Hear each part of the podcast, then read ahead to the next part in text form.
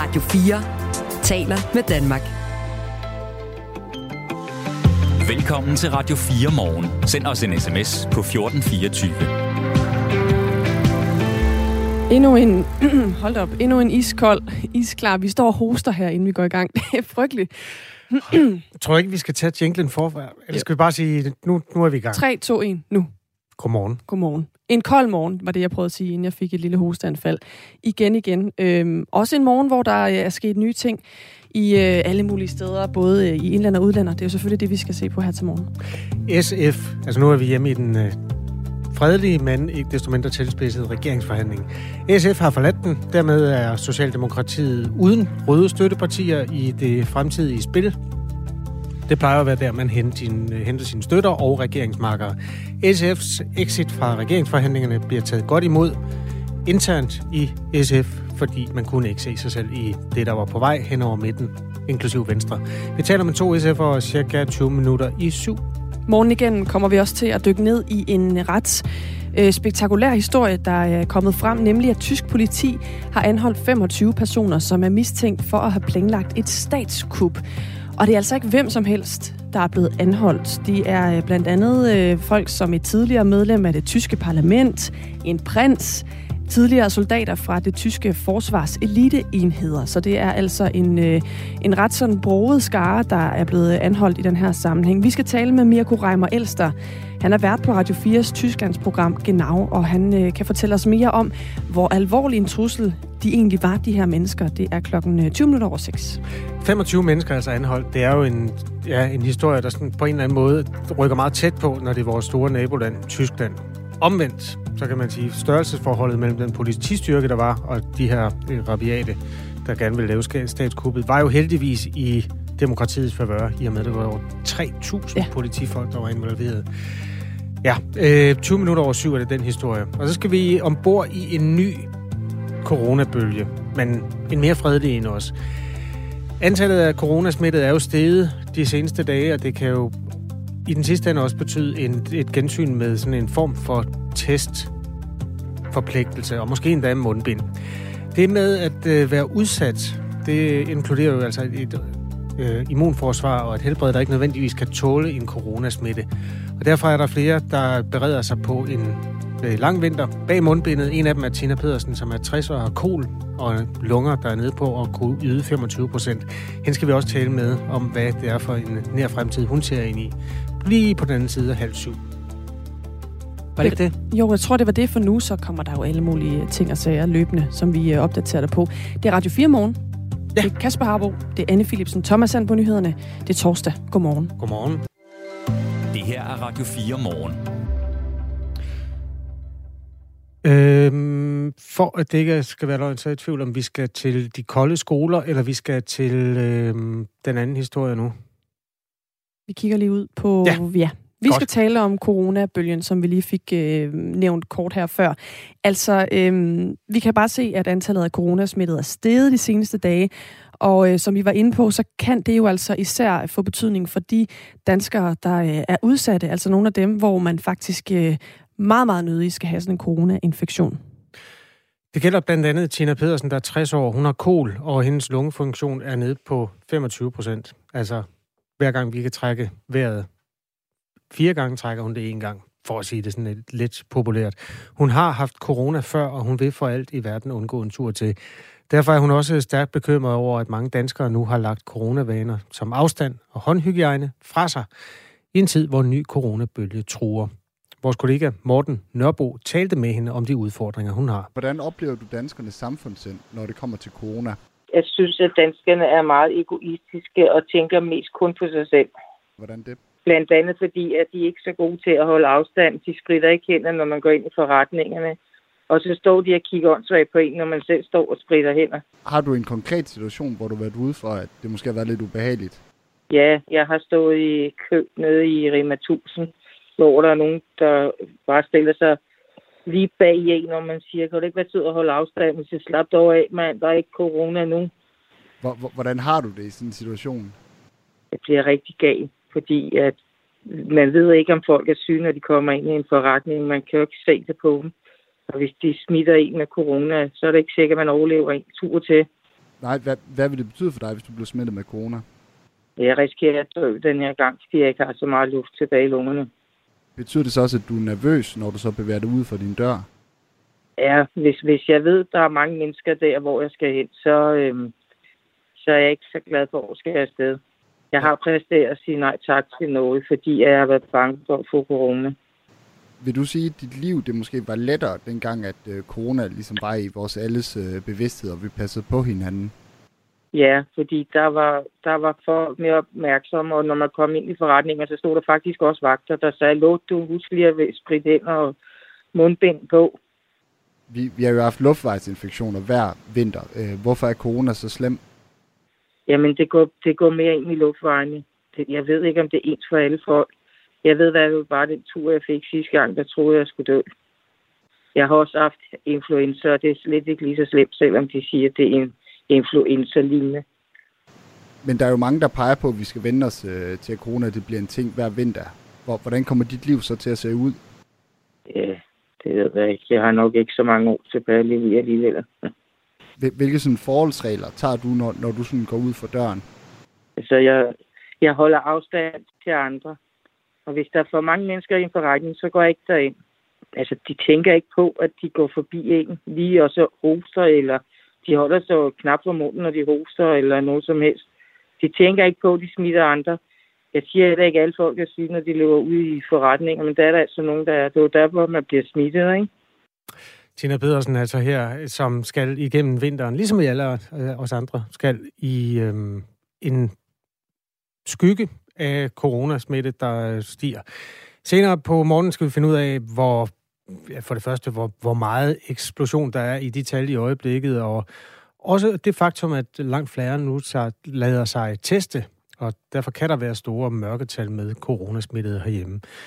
Hver gang vi nævner den øh, sygdom, er der selvfølgelig en masse øh, fare forbundet med det for de sårbare, men det er jo altså også historien om øh, nogle varianter, der er langt mindre truende end de første omgange corona, så nedlukning og sådan noget, det er der slet ingen grund til at bekymre sig om. Heldigvis ikke. Heldigvis ikke. 12 minutter over 6. Radio 4 taler med Danmark. Frakker og huer og handsker er i den grad blevet fundet frem, øh, både udendørs og indendørs, fordi øh, nogle af landets skoler er blevet pålagt at skrue ned til 19 grader som en del af regeringens energispareplan. Det her krav, det volder skolerne problemer, for øhm, man har samtidig også krav til, hvordan luften indendørs skal være, og dermed skal ventilationen jo køre. Men ventilationen køler skolerne af, og så må man vælge mellem pest og kolera. I går talte vi med øh, Andreas Elkær, der er skoleleder på Esbjerg Skole, som har valgt at slukke for det meste af ventilationen på skolen, fordi det ellers køler lokalerne for meget af. Altså varme vinder over indeklima. Vi havde nogle oplevelser, hvor øh, varmesystemet ikke fungerede. Vi havde klasselokaler ned til 12 grader et par dage sidste uge, hvor vi var nødt til at sende nogle elever hjem. Og øh, det fik os til at tale med vores gode kollegaer i ejendomscenteret om det her med at styre varmen og ramme de her 19 grader. Det, er, det lyder meget enkelt, men det er ikke så enkelt. Sidste uge talte vi også om Tinderhøj, Tinderhøj hedder den, øh, skole i Rødovre, hvor eleverne simpelthen har oplevet helt ned til 14 graders temperatur, fordi skolen har det problem, at der bliver for koldt, når man prøver at ramme temperaturen på 19. Det gør det altså virkelig, virkelig svært, øh, både som underviser, men altså jeg har elever, som sidder time efter time og, og sidder og ryster benene og sidder med hue og handsker på overtøj på. Jeg synes ikke, det er nogle rimelige vilkår. Kashif Ahmad her er skoleleder, nej, skolelærer på Tinderhøj Skole i Rødovre, og i øvrigt også medlem af Kultur- og Fritidsudvalget i Københavns Kommune. Han er valgt for Radikale Venstre.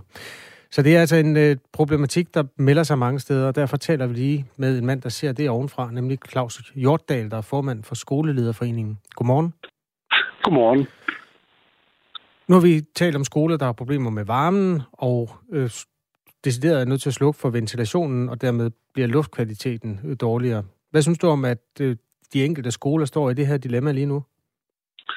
Ja, men øh, vi hører lidt rundt omkring, at der er nogle skoler, der er, der er udfordret på det. Og Det handler jo om, at vi har skoler, som ikke er så moderne. Vi har skoler, der har store rum. Det er svært at styre temperaturen i store rum, og der går mange mennesker ind og ud af døre. Så, så, så der er nogle skoler, der er virkelig udfordret i forhold til at kunne holde en konstant lav temperatur. Hvor meget, øh, eller hvor mange er det? Hvor stort er problemet? det har vi ikke øh, overblik over, men vi hører historier rundt omkring om, at, at det er svært. Der er de nye skoler, der er mange af dem, som, som har nogle, nogle øh, temperaturstyringer, som er ret præcise, men vi har altså også mange skoler, som ikke har det. Vi har mange skoler, som har gamle ventilationsanlæg, som Andreas fortæller fra Esbjerg skole, ikke er i stand til at styre det så præcist. I begyndelsen af september præsenterede regeringen sin energispareplan, som er en række initiativer til at afhjælpe de værste effekter af de stigende energipriser, og også at tage lidt øh, forbehold for, at der ikke nødvendigvis er energi nok til en lang, kold vinter. Og et af de centrale punkter var, at øh, temperaturen indenfor i en del offentlige bygninger senest fra 1. oktober skulle sænkes til 19 grader. Den enkelte institution skal selv vurdere, om det er, der er lokale eller juridiske forhold, der gør, at man kan foretage nogle undtagelser. Det kan jo være, at der er et sygehus, eller et laboratorium, eller plejehjem, eller sådan noget, hvor beboerne simpelthen ikke kan holde til det. Men skolerne har man altså vurderet, at øh, der kan lærere og børn godt holde til at gå rundt i 19 grader. Slagsiden er så, at den nogle gange daler til 14. Øhm, det her krav om, at øh, skolerne også skal køre med 19 grader, det har du det svært med, Claus Hjortdal. Hvorfor? Jeg har ikke så sådan, sådan så svært ved, at, at man opfordrer til, at vi skal holde 19 grader. Problemet er bare, at der er nogle skoler, der har svært ved at komme, komme derned og holde det konstant. Det kan vi høre på, øh, på, på for eksempel Andreas fra Så, så jeg vil meget hellere, at man laver en henstilling, og så kunne man lokalt på de enkelte skoler, de enkelte kommuner, finde ud af, om det var lade sig gøre lidt. Altså, der vil være skoler i kommuner, som sagtens skal gøre det, og der er nogen, der ikke kan gøre det. Og der bliver man nødt til at se på hver enkelt enhed og sige, er det realistisk at holde den dernede, eller kommer børn til at sidde i 12, 14, 15 grader? Det kan de simpelthen ikke sidde i. De kan ikke undervise i det. Så vi bliver nødt til at, at være lidt mere large at sige, vi bliver nødt til at kigge på de enkelte institutioner og se, har de et anlæg, der kan klare det, eller har de ikke? Og så må man lave nogle dispensationer kommunalt set. Fordi jeg er enig med, at vi skal spare pengene, men, men vi skal gøre det på en måde, så det kan lade sig gøre. Jeg har talt med Marie Holt Hermansen, der er formand for Danske Skoleelever. Hun mener, at skoler helt bør undtages fra det her krav om 19 grader i offentlige bygninger. Vi mener selvfølgelig, at øh, grundskoleområdet også skal fratages fra den her regel, ligesom vi ser, at ældreområdet, sundhedsområdet og dagtilbudsområdet øh, er simpelthen fordi, at det potentielt er seksårige børn, vi snakker om, der sidder og fryser inde i klasselokaler, og som der ikke får den udbytte undervisning, de bør have siger altså Marie Holt Hermansen, der repræsenterer skoleeleverne her. Claus Hjortdal repræsenterer skolelederne. Hvorfor synes du ikke, at skolerne skal pilles helt ud af det her 19-graders krav? Jamen, fordi der faktisk er nogle skoler, der godt kan finde ud af at håndtere det. Vi har skoler, som også forstår at håndtere det, at, at børnene skal ud og bevæge sig, og kan de overhovedet komme ud og, og være udendørs og, og røre sig lidt indimellem, så, så er det også rigtig godt. Så, så vi ser nogle skoler, som godt kan håndtere det, men vi ser også nogle, der ikke kan. Så jeg synes over en bred kamp og sige, at skolerne skal undtages. Det synes jeg ikke. Men jeg synes, vi skal i langt højere grad se på de enkelte institutioner og se deres muligheder for at, at løse øh, den udfordring, der er at sænke temperaturen. Er der nogle trusler over for de skoleledere eller skolepersonaler, der ikke efterlever den der 19 graders øh, grænse? Eller kan de egentlig allerede nu gøre, som de har lyst til? Nej, jeg tror ikke, der er nogen direkte trusler, men, men det er klart, når der kommer et, øh, et direktiv fra staten, at vi skal komme derned, og vi kan se, at vi også har sparet penge, så er der også et incitament for kommunen til, at vi holder de her regler. Øh, men jeg tror ikke, der er nogen, der decideret bliver fyret, men man får et pålæg om at få, få temperaturen ned, hvis ikke, man, øh, hvis ikke man gør det. Men det er klart, jeg tror også, at de fleste kommuner, de ikke har en forståelse over, for hvis man har et, et, et ventilationsanlæg, der sørger for, at temperaturen er 12 grader, så er de nok lidt forstående over for det. Sådan lød det fra Claus Hjortdal. Tak skal du have. Formand for Skolelederforeningen. Vi vil jo gerne have haft øh, den fungerende klimaminister Dan Jørgensen, som også er energi- og forsyningsminister, med os her til morgen. Han øh, har ikke mulighed for at være med, var den melding, vi fik. Vi skal til gengæld senere på morgenen tale med en forælder og en elev, der også går med det her brændende ønske om, at 19 graders kravet til temperaturen i folkeskolerne bliver fjernet. Det er om cirka en time, og det kan jeg sige, fordi klokken den er nu 6.19. Det her er Radio 4 morgen.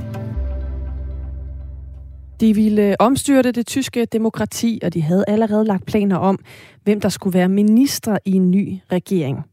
Men de planer blev stoppet, da tysk politi i 130 retsjager i går anholdt 25 højreorienterede, som politiet mener havde planer om at lave et decideret statskup i Tyskland. Og det er altså ikke hvem som helst, der er blevet anholdt. Blandt dem er Birgit Malsak Winkemann, der er tidligere medlem af den tyske forbundsdag for det stærkt højreorienterede Alternative für Deutschland, der er også en prins fra Hessen blandt de anholdte, og en tidligere, eller flere tidligere soldater fra det tyske forsvars eliteenheder. En øh, historie om en razzia, som øh, har trukket overskrifter, blandt andet jo også fordi der er øh, ret mange aspekter i dem. Og det vender vi med dig nu, Mirko Reimer Elster. Godmorgen.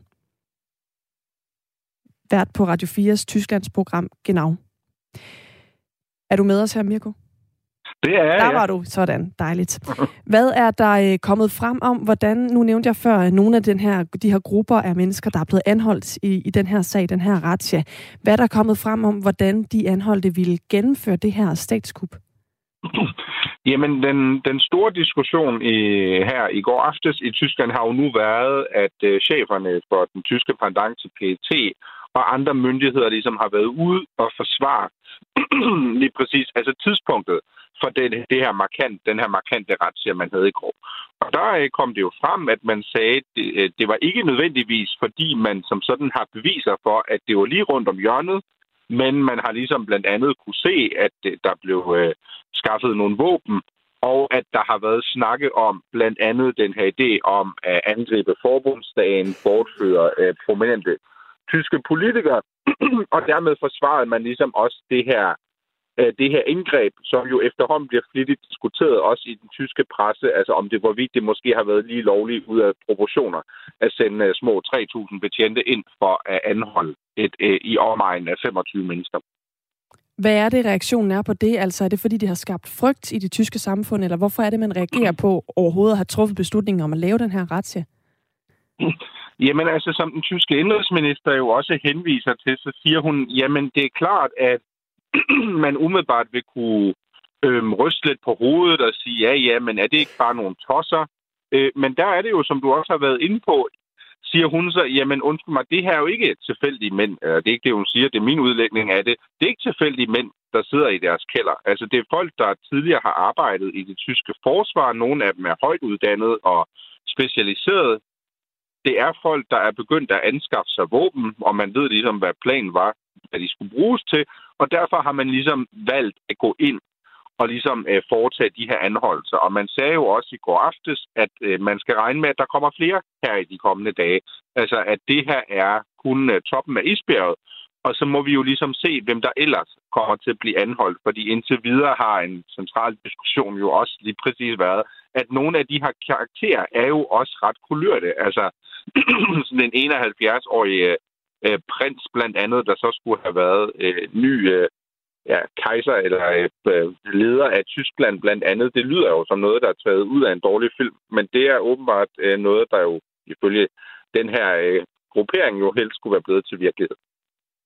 Det var jo så øh, 25 mennesker, der blev anholdt af tysk politi i går for at være involveret i de her kupplaner. Som du var inde på, så øh, var det også en razzia, hvor man hævde ret mange betjente ind, øh, 3.000 betjente, og det var så fordelt på 11 tyske delstater og i Østrig og Italien, så et stort område også.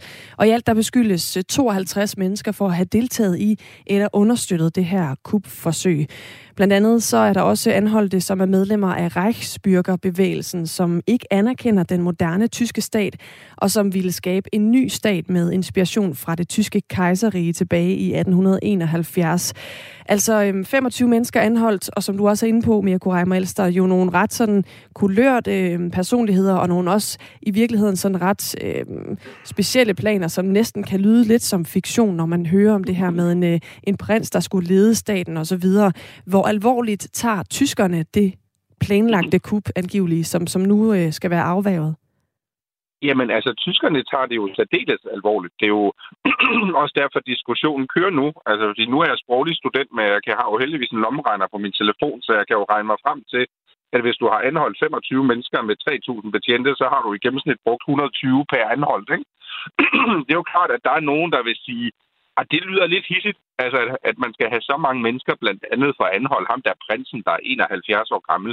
Men der er vi jo tilbage til, at tyskerne, et, der er jo også nogle historiske minder her, der hurtigt bliver vækket i Tyskland, ikke? Altså Reichsputsch, øh, Hitler blandt andet i, i 30'erne. Øhm, og så er det jo igen, altså tyskerne har jo i årvis talt om, at den største sådan, indrigspolitiske øh, trussel jo måske faktisk kommer fra højrebevægelser. Blandt andet rejsbyrkerne, som er vokset i styrke, og som jo nu bliver just, mm, sådan, man tror, der er sådan cirka 20.000 af dem i, øh, i Tyskland, sådan en løs gruppering. Og derfor siger indrigsministeren jo, jamen vi bliver simpelthen nødt til at slå meget, meget hårdt ned på det her, og hellere for tidligt end for sent. Hvor øh, meget, eller hvor alvorligt kunne det her kup have udviklet sig, hvis det ikke var blevet stoppet? Jamen, hvis man nu selvfølgelig tager øh, de her planer på pålydende, og man leger med tanken, at de var blevet gennemført, så var en del af planen jo, at man skulle storme den tyske forbundsstat, øh, skulle tage udvalgte tyske toppolitikere som, som gissel. Øh, planen var, at man skulle øh, lukke ned for dele af den tyske strømforsyning, og at man ligesom skulle skabe kaos og, øh, citat, borgerkrigsagtige tilstande, der ligesom skulle være med til at kunne omstyre øh, hele, hele det tyske samfundssystem, og at man så ligesom skulle øh, tilbage til en samfundsmodel, der er tættere på 1871 end øh, 2022. Og der tror jeg, at der er vi jo tilbage til den her diskussion, som også raser i Tyskland nu. Ja, okay, det lyder selvfølgelig meget, meget dramatisk, og øh, jo apropos, at nu har jeg også beskæftiget mig en del med USA, det lyder, synes jeg, mere som ting, jeg har hørt fra USA inden for de seneste par år. Men vi er også tilbage til, at der selvfølgelig også sidder tysker derude og siger, ja ja, slap nu af. Altså 25 mennesker, en eller anden 71-årig prins. Øh, så tror vi i ramme alvor, at der var en reel, at der var en reel fare for, at det her vil ske. Øh, og der siger myndighederne i Tyskland jo, jamen igen, altså måske handler det ikke så meget om, hvor realistisk det var at gennemføre den plan, men der er jo mange stadier før at omstyret hele den tyske stat, som selvfølgelig er helt øh, uacceptabelt i en retsstat. Blandt andet hvis du kan se, at folk begynder at, at hamstre våben og har planer om at begå ulovligheder med. De her øh, mennesker, som øh, havde den her idé om, at man ville lave det her øh, statskup og ville gøre de her ting, hvad driver dem? Altså, hvor meget ved man om dem, der ligesom øh, står bag den her, de her planer? Jamen, altså, det man altså den her famøse prins, øh, den, ham har man jo ligesom haft på radaren i, i mange år, og han er ligesom blevet sådan udpeget til at være en form for leder. Øh, men der er det igen vigtigt at nævne, at rejsbyrgerbevægelsen er som sådan meget decentral. Altså det er ikke sådan en, en klub, man bare lige melder sig ind i, og så får man et medlemskort, og så kan man ligesom finde ud af, okay, så mødes man. Øh, det er sådan relativt åbent.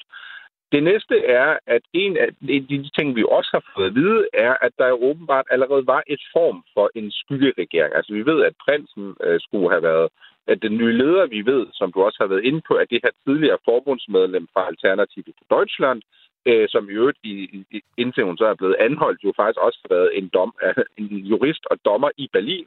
Hun skulle være justitsminister. Vi ved, at der var planer om, hvem der skulle være udenrigsminister. Og der er vi igen tilbage til, at de tyske myndigheder siger, at der er ligesom to spor. Det ene spor handler om, hvad kan man sige, selve planerne.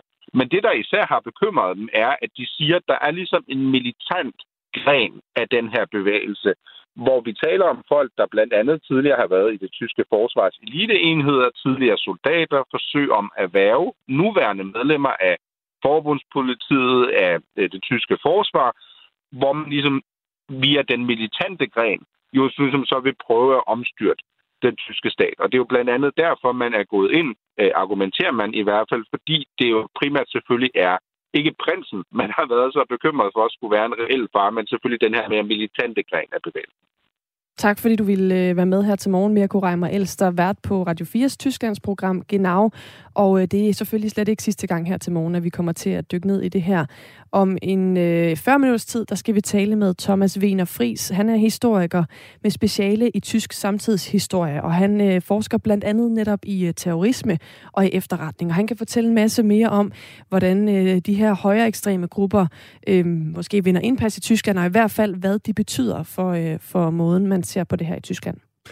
Thomas Wiener Friis er en øh, ret øh, interessant forsker. Han har været med i programmer også om øh, spioner, altså dengang Stasi-arkiverne blev åbnet, så han er, han er også ret godt inde i, hvordan man kan, hvad skal man sige, de der ting, der foregår under overfladen i et samfund, dem, det, det er en god mand at have med der. Så det er et interview, vi kan glæde os til. vi kan også øh, glæde os til på den anden side af nyhederne at komme ombord i... Øh, ja, der skal vi blandt andet se på de frosne veje. Det er super koldt her til morgen. Vi vender os mod Vejdirektoratet og får en øh, status der øh, i forhold til øh, trafikken. Først er det Thomas Sands tur. Klokken er halv syv. Nu er der nyheder på Radio 4. Det har været et dramatisk år på gasmarkederne i Europa. Gasleverancer er blevet brugt som en del af Ruslands pres på Europa, og det har medført prisstigninger og store udsving. Det har fået danske andel energi til at indgå en aftale med Equinor i Norge om gasleverancer. Aftalen gælder i 2023, og den skal sikre, at der løber norsk gas gennem gasledningerne Baltic Pipe, som forbinder Norge med Polen og dermed løber forbi Danmark, siger Jack Christensen, der er funktionschef i Andel Energi. Ved at få gas via Baltic Pipe, så får vores kunder en langt større forsyningssikkerhed, end vi har kunne, kunne give førhen. Øh, og det vil alt andet lige også give os øh, bedre stabilitet i vores priser fremadrettet. Energiselskabet Andel Energi har omkring 130.000 gaskunder, hvilket svarer til omkring 40 procent af det danske gasmarked. Aftalen med Equinor i Norge omfatter en gasmængde, der svarer til en fjerdedel af Andel Energis kunders normalforbrug. Når der kun er lavet en etårig aftale, skyldes det, at en dansk gaskilde ventes at gøre comeback i 2024.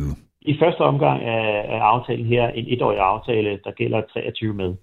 Øh, ved udgangen af 23, så kommer Tyrefeltet tilbage igen, og Danmark bliver igen skal man sige, selvforsynende med gas, og derfor bliver der stå en anden situation, når vi går ind i 24. Men vi tager løbende bestik af situationen for at se, hvad der er det bedste type aftaler for vores kunder. Tyrefeltet i Nordsøen har været lukket på grund af vedligehold og reparationer. Det har derfor ikke kunne levere gas til markedet under hele energikrisen. Julen er hjerternes fest, men for et stort antal børn og unge, særligt dem i udsatte familier, kan det være en hård og bekymrende tid. Det skriver Børns Vilkår, som bare tager børnetelefonen i en pressemeddelelse. Børnetelefonen havde sidste år over 12.000 samtaler i dagene 23. til 31. december. I alt havde rådgiverne hos børnetelefonen 55.000 samtaler med børn og unge i 2021. Juletiden er heller ikke årets mest travle tid, målt på antal samtaler, men der er væsentligt flere samtaler i juledagene, som handler om forholdet mellem børn og forældre, påpeger Rasmus Kjeldahl, der er direktør i Børns Vilkår. Det er en helt særlig tid, øh, fordi der er så meget pres på det familiemæssige, der er så mange forventninger og også meget store skuffelser. Og det, at man ikke er i skole for eksempel, gør også, at man er revet væk fra sin almindelige hverdag og bliver måske konfronteret med øh, svære forhold øh, derhjemme på en anden måde, end man gør i hverdagen. Sidste år besluttede Børns Vilkår at holde børnetelefonen døgnåben i juledagene, inklusiv julenat. Før november sidste år lukkede telefonen typisk klokken 1 om natten. Vi kunne se, at der kom flere og flere øh, børn og unge, som forsøgte at kontakte os øh, sent. Øh, så vi havde en fornemmelse af, at der var nogen, der havde behov for os ud over de sædvanlige åbningstider. Så Ja, så nu har vi altså besluttet os til at holde øh, døgnåbent, og øh, min forventning er, at der bliver nok at lave øh, julenat, og sådan set også juledagene derefter. En domstol i Guatemala har fundet landets tidligere præsident Otto Pérez Molina og hans vicepræsident Roxana Baldetti skyldige i blandt andet tolvsvindel. De to tidligere toppolitikere er hver blevet idømt 16 års fængsel i sagen. De blev frifundet for en anklage om ulovlig berigelse. Pérez var præsident i Guatemala fra 2012 til 2015. Han blev tvunget til at trække sig på grund af anklager om korruption. Han har siddet fængslet de seneste syv år, mens han ventede på en dom. Over den sydligste del af landet først skyde med snebyer, ellers kommer der kun enkelte snebyer og mange steder solskin, men i morgentimerne er der risiko for rimtog. I løbet af eftermiddagen bliver det skyde i Jylland, og i Nordjylland kommer der snebyer, temperaturer omkring frysepunktet. Og så er der mange steder risiko for sneglatte og frysende våde vejbaner. Du lytter til Radio 4 morgen. Husk, du kan skrive en sms til os på 1424. Okay, jeg starter altså lige med en sms så. Det kom med den. Det er Rasmus, der synes, alt er noget pjat, fordi han skriver sådan her. Da min bedstefar var dreng, var der is på indersiden af vinduerne, når de stod op om morgenen. Han har flere gange vågnet med is på dynen, eller dynen var frosset til væggen. I skolen var den eneste varmekilde en kakkelovn, og det samme hjemme. Toilettet det var ude bag ved køerne. Og nu brokker de sig over, at der skal være 19 grader indenfor, skriver Rasmus. Det lyder som om, det var en anden tid, Rasmus. Det, det tror jeg godt, vi kan regne med, det var. Øhm, det var nok nemmere, når man var vant til det. Der er ikke øh, så mange, der er vant til, at der er 19 grader i deres skole. Og problemet er, at nogle steder falder den til 14. Så det er en af de ting, vi har belyst her til morgen.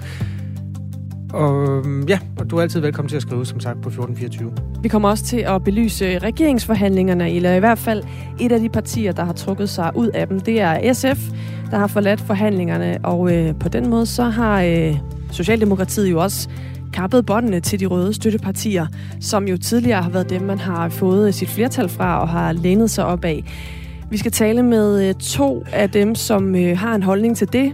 Vi kan nemlig ikke rigtig få hul igennem til nogle af dem, der rent faktisk er medlemmer af SF i Folketinget. Men til gengæld, så har vi fået hul igennem til øh, Alexander Blaunsfeldt, der er formand for SF's Ungdom.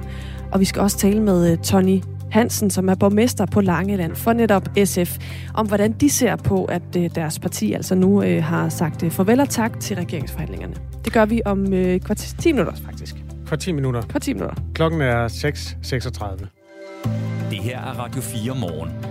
Og du har stået op, hvis du er stået op altså, til en kold morgen, der ligger i forlængelse af en rigtig kold nat. Nogle steder har der været minus 10 grader. Allerede i går var der uheld flere steder i trafikken, som følge af det kolde og dermed også glatte fører. Og derfor er det sådan en dag, hvor man med fordel kan sætte nogle ekstra minutter øh, af til at det transporterer sig fra A til B. Karina Svendsen sidder med overblikket hos øh, Vejdirektoratet, hvor du er vagthævende. Godmorgen, Karina. Godmorgen. Øh, først en pejling på, hvordan de veje, der skal bruges her til morgen, de er at køre på. Altså, hvor er der glat henne? Jamen altså, vi har jo haft øh, ude, vores vogne ude og salte over hele landet øh, i løbet af natten, så, øh, så forhåbentlig er der ikke glat døde, men, øh, men man kan jo ikke være helt sikker på, at, øh, at der ikke er opstået noget is derude igen i løbet af morgenen her. Så man skal køre forsigtigt lige meget, hvor man er hen øh, i landet. Okay. Er der, der er ikke nogen særlige dele af landet, hvor, hvor temperaturen har gjort det sådan til et ekstra øh, faremoment? Altså vi kan se, at i løbet af natten her har vi øh, de uheld, vi har haft, har primært været øh, på Vestjylland og, øh, og Nordsjælland. Så, så der skal man i hvert fald være særlig opmærksom.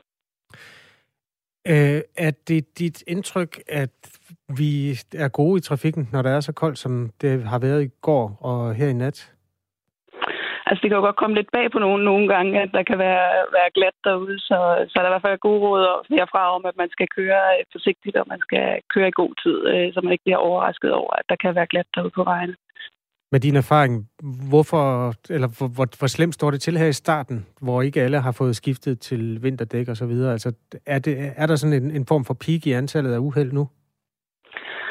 Øh, det kan jeg ikke sige helt præcis noget om, men, men altså, det er klart, at, at det kan komme lidt som en overraskelse for nogen, ikke? at der, der kan være glat derude. Hvis man ikke lige har fået skiftet til vinterdækkene, så, så står man øh, ikke helt så godt fast derude, når der, når der, kan, når der kan være glat derude.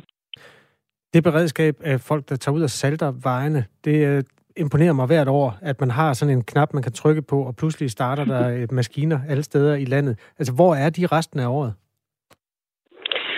Øh, jeg formoder, at de holder i en garage. Jeg ved faktisk ikke, om de bliver brugt til, til noget andet i løbet af året.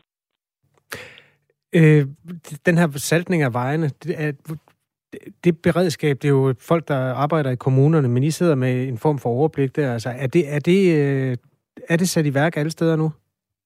Ja, det er sat i værk. De er ude og i gang over hele landet. Så, så de er i fuld gang. Er der nogle særlige steder, man skal holde øje med trafikken lige nu, eller, eller glider det, som sådan er der ryddet op efter de uheld, der har været? Ja, der er ryddet op efter nattens uheld. Øh, der, lige nu har vi et uheld øh, omkring Slagelse nede på Vestmotorvejen der, øh, men ellers så glider det sådan øh, rimeligt derude i landet. God arbejdsløst, og tak fordi du lige vil være med med en status her hos os. Tak skal du have, lige måde. Tak. Karina Svendsen er vagthævende i Trafikcenteret hos Vejdirektoratet. Der er glat omkring Varde, er der en, der skriver ind på sms'en. Lille servicemeddelelse skulle man befinde sig der øh, i Varde, lidt uden for Esbjerg. Vi tager gerne imod øh, de her lokale nedslag. Vi gjorde det også i går, hvor sneen kom dryssende, nogle steder i hvert fald, hvor vi fik pejlinger.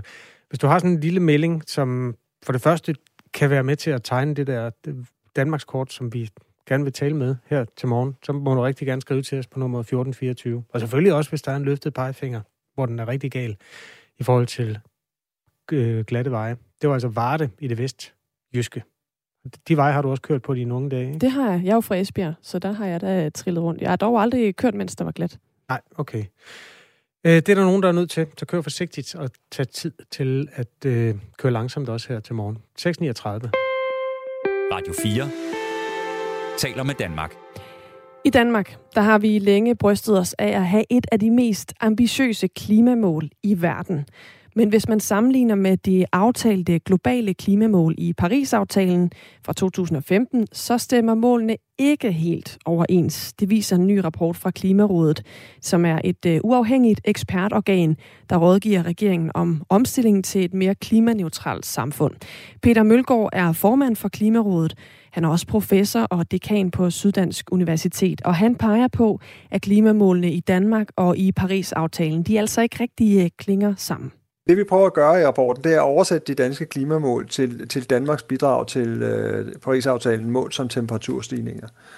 Og der øh, kan man ikke entydigt konkludere, og derfor, derfor det bliver en smule kom, kompliceret, mm. om Danmarks nuværende klimamål er i overensstemmelse med Paris-aftalens temperaturmål. Det kommer an på, hvad det er, man lægger vægt på. Men man kan sige, at med de nuværende klimamål, så er Danmark kun i overensstemmelse med Paris-aftalen, hvis vi tillader, at temperaturstigningen overstiger halvanden grad i en periode, og at vi tillader en ret høj risiko for, at vi får endnu højere temperaturer. Og det kunne jo tilsige, at vi skal gøre mere, hvis vi gerne vil være forgangsland. For det er sådan, at mens de danske mål tillader, at der er en midlertidig stigning på over 1,5 grader, så stræber Paris-aftalen i forhold til ikke at overstige det niveau. Altså den siger, at vi skal prøve at holde temperaturstigningen under 2 mm. grader, et godt stykke under 2 grader, med sigte på halvanden grad. Og derfor kan man sige, at det er jo en fortolkning, vi så lægger ned over Paris-aftalen.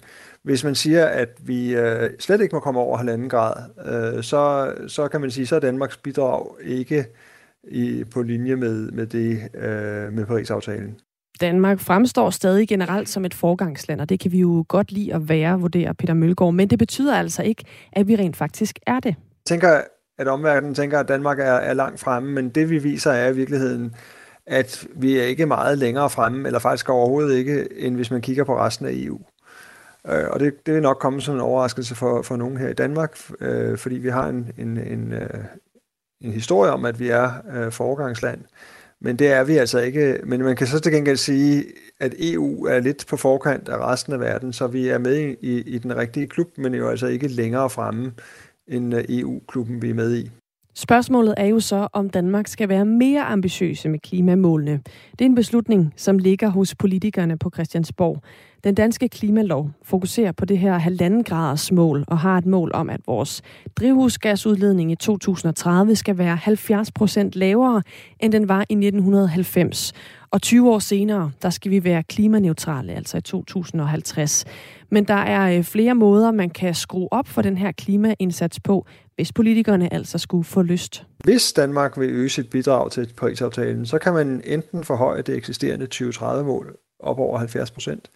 Man kan sætte et mere ambitiøst øh, mål i 2035, og man kan fremrykke året for klimaneutralitet, så det ikke øh, er 2050, men måske øh, 2045 eller 2040. Øh, og så kan man også gøre noget ved øh, reduktionsindsatsen mod metan frem for drivhusgassen CO2. Og det er fordi, at metan har en stor opvarmningseffekt på kort sigt. Og hvis vi nu ender med at skrue op for ambitionerne, så er der også en chance for, at vi reelt kan blive et forgangsland, mener Peter Mølgaard. Men der er ikke nogen garanti for, at vi bliver det, hvis vi ikke gør mere end det. Nej, det kommer an på, hvordan vi så også gør det videre frem i fremtiden. Så, så 80 procent øh, hvis man kigger på det, så skal vi kombinere det med noget andet også for at nå i mål, kan man sige. Altså enten et 2035-mål eller et fremrykning af klimaneutralitet eller noget med metan. Så jeg tror at virkeligheden en kombination af de forskellige ting, jeg, jeg nævnte, vil være, øh, vil være den rigtige cocktail for at bringe øh, øh, dansk klimapolitik i front. Det siger altså Peter Mølgaard, der er formand for Klimarådet, og sideløbende med det også er professor og dekan på Syddansk Universitet. Du lytter til Radio 4 morgen. Hvor øh, nyhedsstrømmen jo sådan tager form her klokken kvart i syv, og vores reporter, kollega Nikolaj Dupont, øh, løber efter nogle af historierne. Hvad har du i kikkerten lige nu? Jeg har lidt forskellige ting i øh, kikkerten herude. Øh, en af dem er den øh, nissepige-historie, vi faktisk var med til at afsløre her i Radio 4 den 2. december. Altså en, vi talte dengang om et gymnasium i Kolding, hvor eleverne kårer dagens nissepige det er måske ikke så meget op i tiden. Øh, det var for noget af det, der var op til debat i den periode, det der med at, at fremhæve øh, især piger, der er også nisse drenge. Mm. Den talte vi om. Sidenhen har TV2 også øh, nu lavet et øh, par historier om andre gymnasier rundt omkring i landet, hvor de faktisk gør det samme. Så spørgsmålet er, om det her det er ved at være en tendens. Det prøver vi at finde ud af her til morgen, og vi prøver at få fat i Emilie Mortensen, som vi også talte med dengang, som er ekspert i krænkende handlinger, for at tale lidt om, hvis det her er en tendens, hvad er det så egentlig, vi, øh, vi kigger ind i for, for vores unge?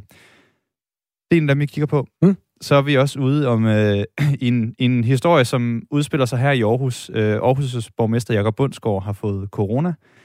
Det blev der skrevet en øh, artikel om, og den blev lagt på Facebook. Og så i kommentarfeltet til den her artikel, der popper Mohammed Abdi Karim op. Han er tidligere folketingskandidat, eller er folketingskandidat for Fri Grønne. Og det, han skriver i sin kommentar, det er, og nu må jeg undskylde mit fransk, må dig og din familie dø af corona, hilsen det somaliske samfund. Hold da kæft. Det er lidt hårdt sagt. Øhm, vi prøver at få fat i Mohammed, der har skrevet den her kommentar. Altså en folketingskandidat, der siger til borgmesteren i Aarhus, at han håber, at han dør af corona, og hans familie også. Det skal vi lige finde ud af, hvorfor han siger det. Øh, om det er en holdning, han står ved, eller om der er råd en finke af fadet. Det, øh, det er noget af det, vi i hvert fald prøver at, at få fat i her til morgen. Der er fart på på internettet øh, også i dag. Klokken er kvart i syv, og Nikolaj Dupont er altså reporter her på Radio 4 morgen, der ellers er befolket af Anne Philipsen og Kasper Harbo. Du lytter til Radio 4 morgen. SF kommer ikke til at være med i den nye regering, vi får på et eller andet tidspunkt. Det står klart. Efter SF meldte med, til Mette Frederiksen i går, at partiet ikke ønsker at fortsætte forhandlingerne om en ny regering. Ifølge SF's formand, Pia Olsen Dyr, så var det i høj grad uenigheder med Venstre, der endte med at gøre udslaget. Jeg tror, at nogle af de forhandlinger, vi havde i weekenden, der havde det sådan, det her bliver rigtig svært, øh, Venstre og jeg. Og det var Venstre og jeg, der sad og havde en diskussion omkring landbruget. Sådan sagde Pia Olsen Dyr til TV2 News i går. Og det betyder jo også, at det kun er Socialdemokratiet, Venstre, Moderaterne, Radikale, Dansk Folkeparti og Liberal Alliance, der er tilbage ved forhandlingsbordet. Vi ville meget gerne have snakket med SF's formand Pia Olsen Dyr her til morgen, men hun var optaget af andre aftaler. Så prøvede vi også øh, politisk ordfører Carsten Hønge, gruppeformand Karina Lorentzen og gruppe næstformand Jakob Mark. Alle sammen uden held, fordi de har henvist til deres formand, Pia Olsen Dyr, som altså ikke kunne være med. Til gengæld så er det lykkedes os at få fat i SF Ungdom, hvor du er formand Alexander Blaunsfeldt. Godmorgen. Godmorgen. I går altså øh, meldingen om, at SF trækker sig fra de her regeringsforhandlinger. Var det så en øh, sorgens dag eller en glædens dag for dig som formand for øh, Ungdomspartiet? Jeg tror både og. Altså, jeg tror, vi havde, vi havde set på valgdagen, at, at der var et relativt, eller der var i hvert fald en, en, en venstre øh, fløjs flertal. Øhm, men der tror jeg også bare, at øh, her på det seneste har vi bare set, at, at det var ikke den vej, øh, Mette Frederiksen ville gå. Og, og derfor så, øh, så tror jeg egentlig også, at jeg er glad nok for, for at man vælger at trække støtten til, til det her borgerlige projekt.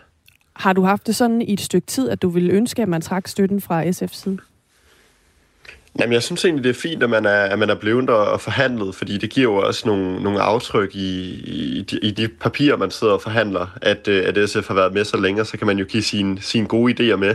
Øhm, men, men, men nej, jeg synes, det, det er egentlig et fint tidspunkt, man trækker sig på. Hvor meget tror du reelt, man kan få lov at sætte øh, et aftryk efter at have været med, når man så øh, ikke er med i slutspurten? Altså, kunne man ikke også forestille sig, at de kommer til at tage de papirer, der står SF på, krølle dem sammen, smide dem over en papirkurv, og så fortsætte med det, som partierne, der sidder inde i forhandlingslokalet nu, er enige om? Jo, det må, det må vi jo se på. Det afhænger også i dag, hvor, hvor konstruktive de har lyst til at være, og, og, og hvor meget samarbejde de har lyst til at have. Øhm, det er jo også lidt det, der bliver definerende for, om, om vi kan være et, et konstruktivt øh, oppositionsparti, eller om øh, det, bliver, øh, det bliver ild og flammer de næste, de næste par år med, øh, med din baggrund i SF Ungdom og med øh, henblik på det valg, der var, og som du også indledte med at sige, jo et, øh, et øh, snævert godt nok, men et rødt flertal tegnede sig øh, på valgnatten. Hvordan har du det så med, at øh, dit parti lige nu ikke ser ud til at blive en del af regeringen? Men jeg synes, det, det er sådan lidt ambivalent, fordi man kan sige, på, på den ene side er der jo ikke et, et tydeligt rødt flertal, fordi radikale jo ikke er, er, er særlig røde, når man kigger på deres økonomiske politik, og, og tidligere, når man har lavet aftaler med Dansk Folkeparti, jamen så er det jo, fordi de har været, været større end radikale. Øh, men det er, jo, det er jo desværre ikke rigtig det, man ser ind i, men jeg tror egentlig, altså der, sådan som jeg sidder med det i dag, jamen øh, SF har prøvet at føre borgerlig politik, det gjorde vi i tre år, og der endte vi med, med at ligge og, og lege med spærregrænsen, og, og det er jeg egentlig glad nok for, at man har, man har valgt at trække støtten til. Hvordan ser du så SF's rolle i den øh, kommende valgperiode, altså i, i lyset af, at øh, I jo så skal forholde jer til en regering, som I i hvert fald ikke selv er med i? Altså er det en regering, I skal være støtteparti til? Nej, nej, det synes jeg ikke. Altså, der, der deler jeg egentlig meget øh, Pia Olsen Dyrs betragtninger omkring det her. Jeg synes ikke, at vi skal være støtteparti til noget, vi ikke kan være en del af. Øhm, så, så det deler jeg egentlig fuldstændig. Jeg tror, at altså, vi skal presse på i de forhandlinger, vi nogle gange bliver inviteret til. Og så handler det om at, at idéudvikle og stå endnu stærkere øh, næste gang, der er folketingsvalg.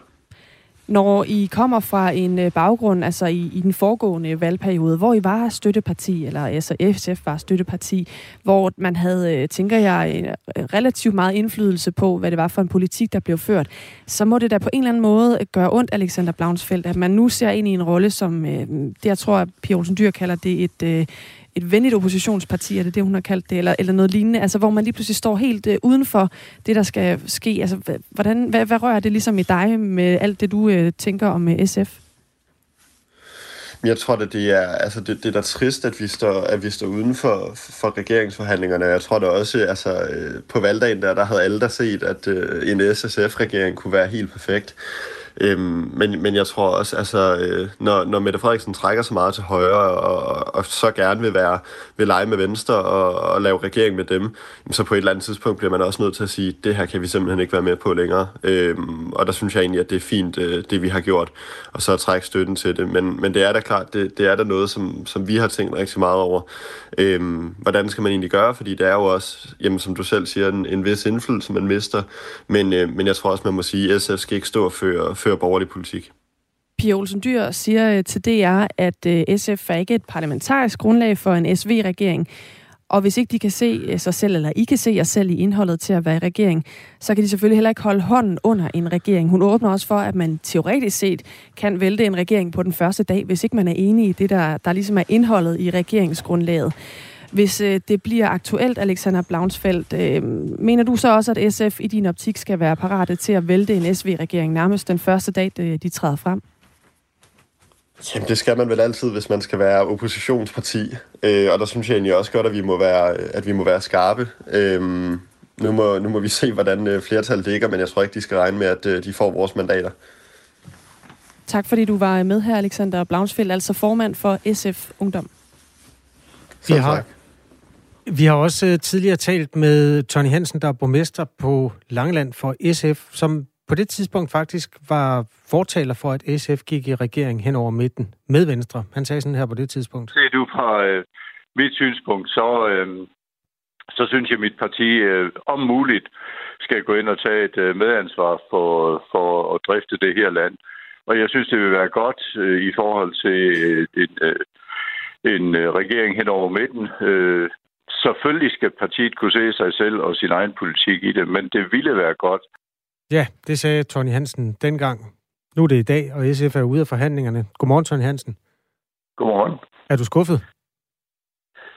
Øh, ja, jeg havde håbet på, at øh, de forhandlinger kunne gøre, at vi kunne øh, få en øh, regeringskoalition hen over midten, øh, som vi i øvrigt ser i vores øh, naboland. Det har været godt for for landet, det har været godt for os i kommunerne, det har været godt for landbruget, men ja, desværre så er det jo ikke lykkes. Det kan da nås endnu med en hen over midten. Det bliver bare uden jer. Ja, jeg ved ikke, hvem der er tilbage øh, på, på den side af Socialdemokratiet.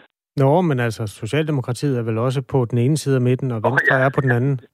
ja, Sådan tror jeg, man oplever sig selv. Okay.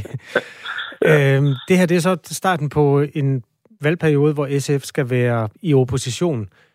Det bliver jo spændende at skulle være i opposition til en regering, som indeholder et øh, blåt og et rødt parti, hvis nu det kommer dertil. Hvordan ser du den rolle? Jeg ved godt, du ikke er folketingspolitiker, men nogle gange er det også en fordel at se tingene udefra. Hvordan ser du den rolle der? Er det, er det egentlig ikke lidt svært?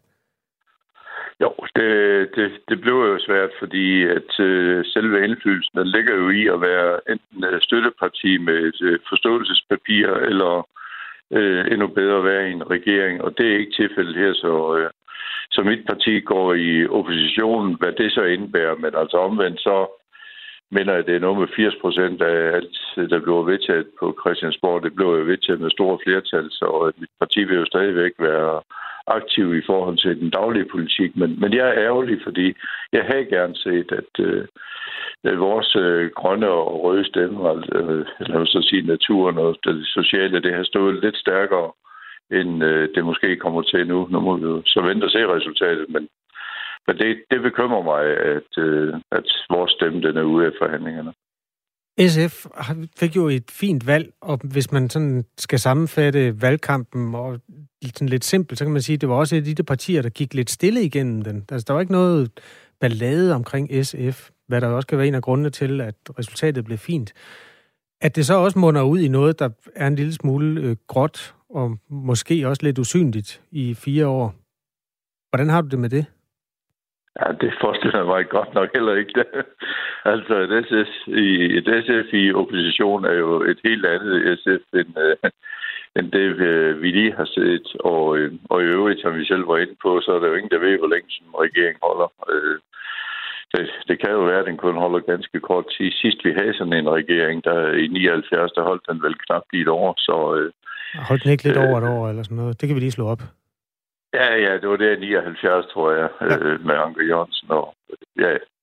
Men pyt nu med det. Altså, nu er vi i øh, 2022, og, og lige om lidt i 2023, så vi har jo en anden verden, vi kigger ind i øh, nu, øh, hvor, øh, hvor vi har en krig i Europa, hvor vi har øh, energipriser, der har øh, bare kørt en vej, og det er opad, og øh, og på mange andre måder øh, kan vi sige, at der er usikkerhed i vores samfund. Vi har coronaen, den er jo ikke slut endnu.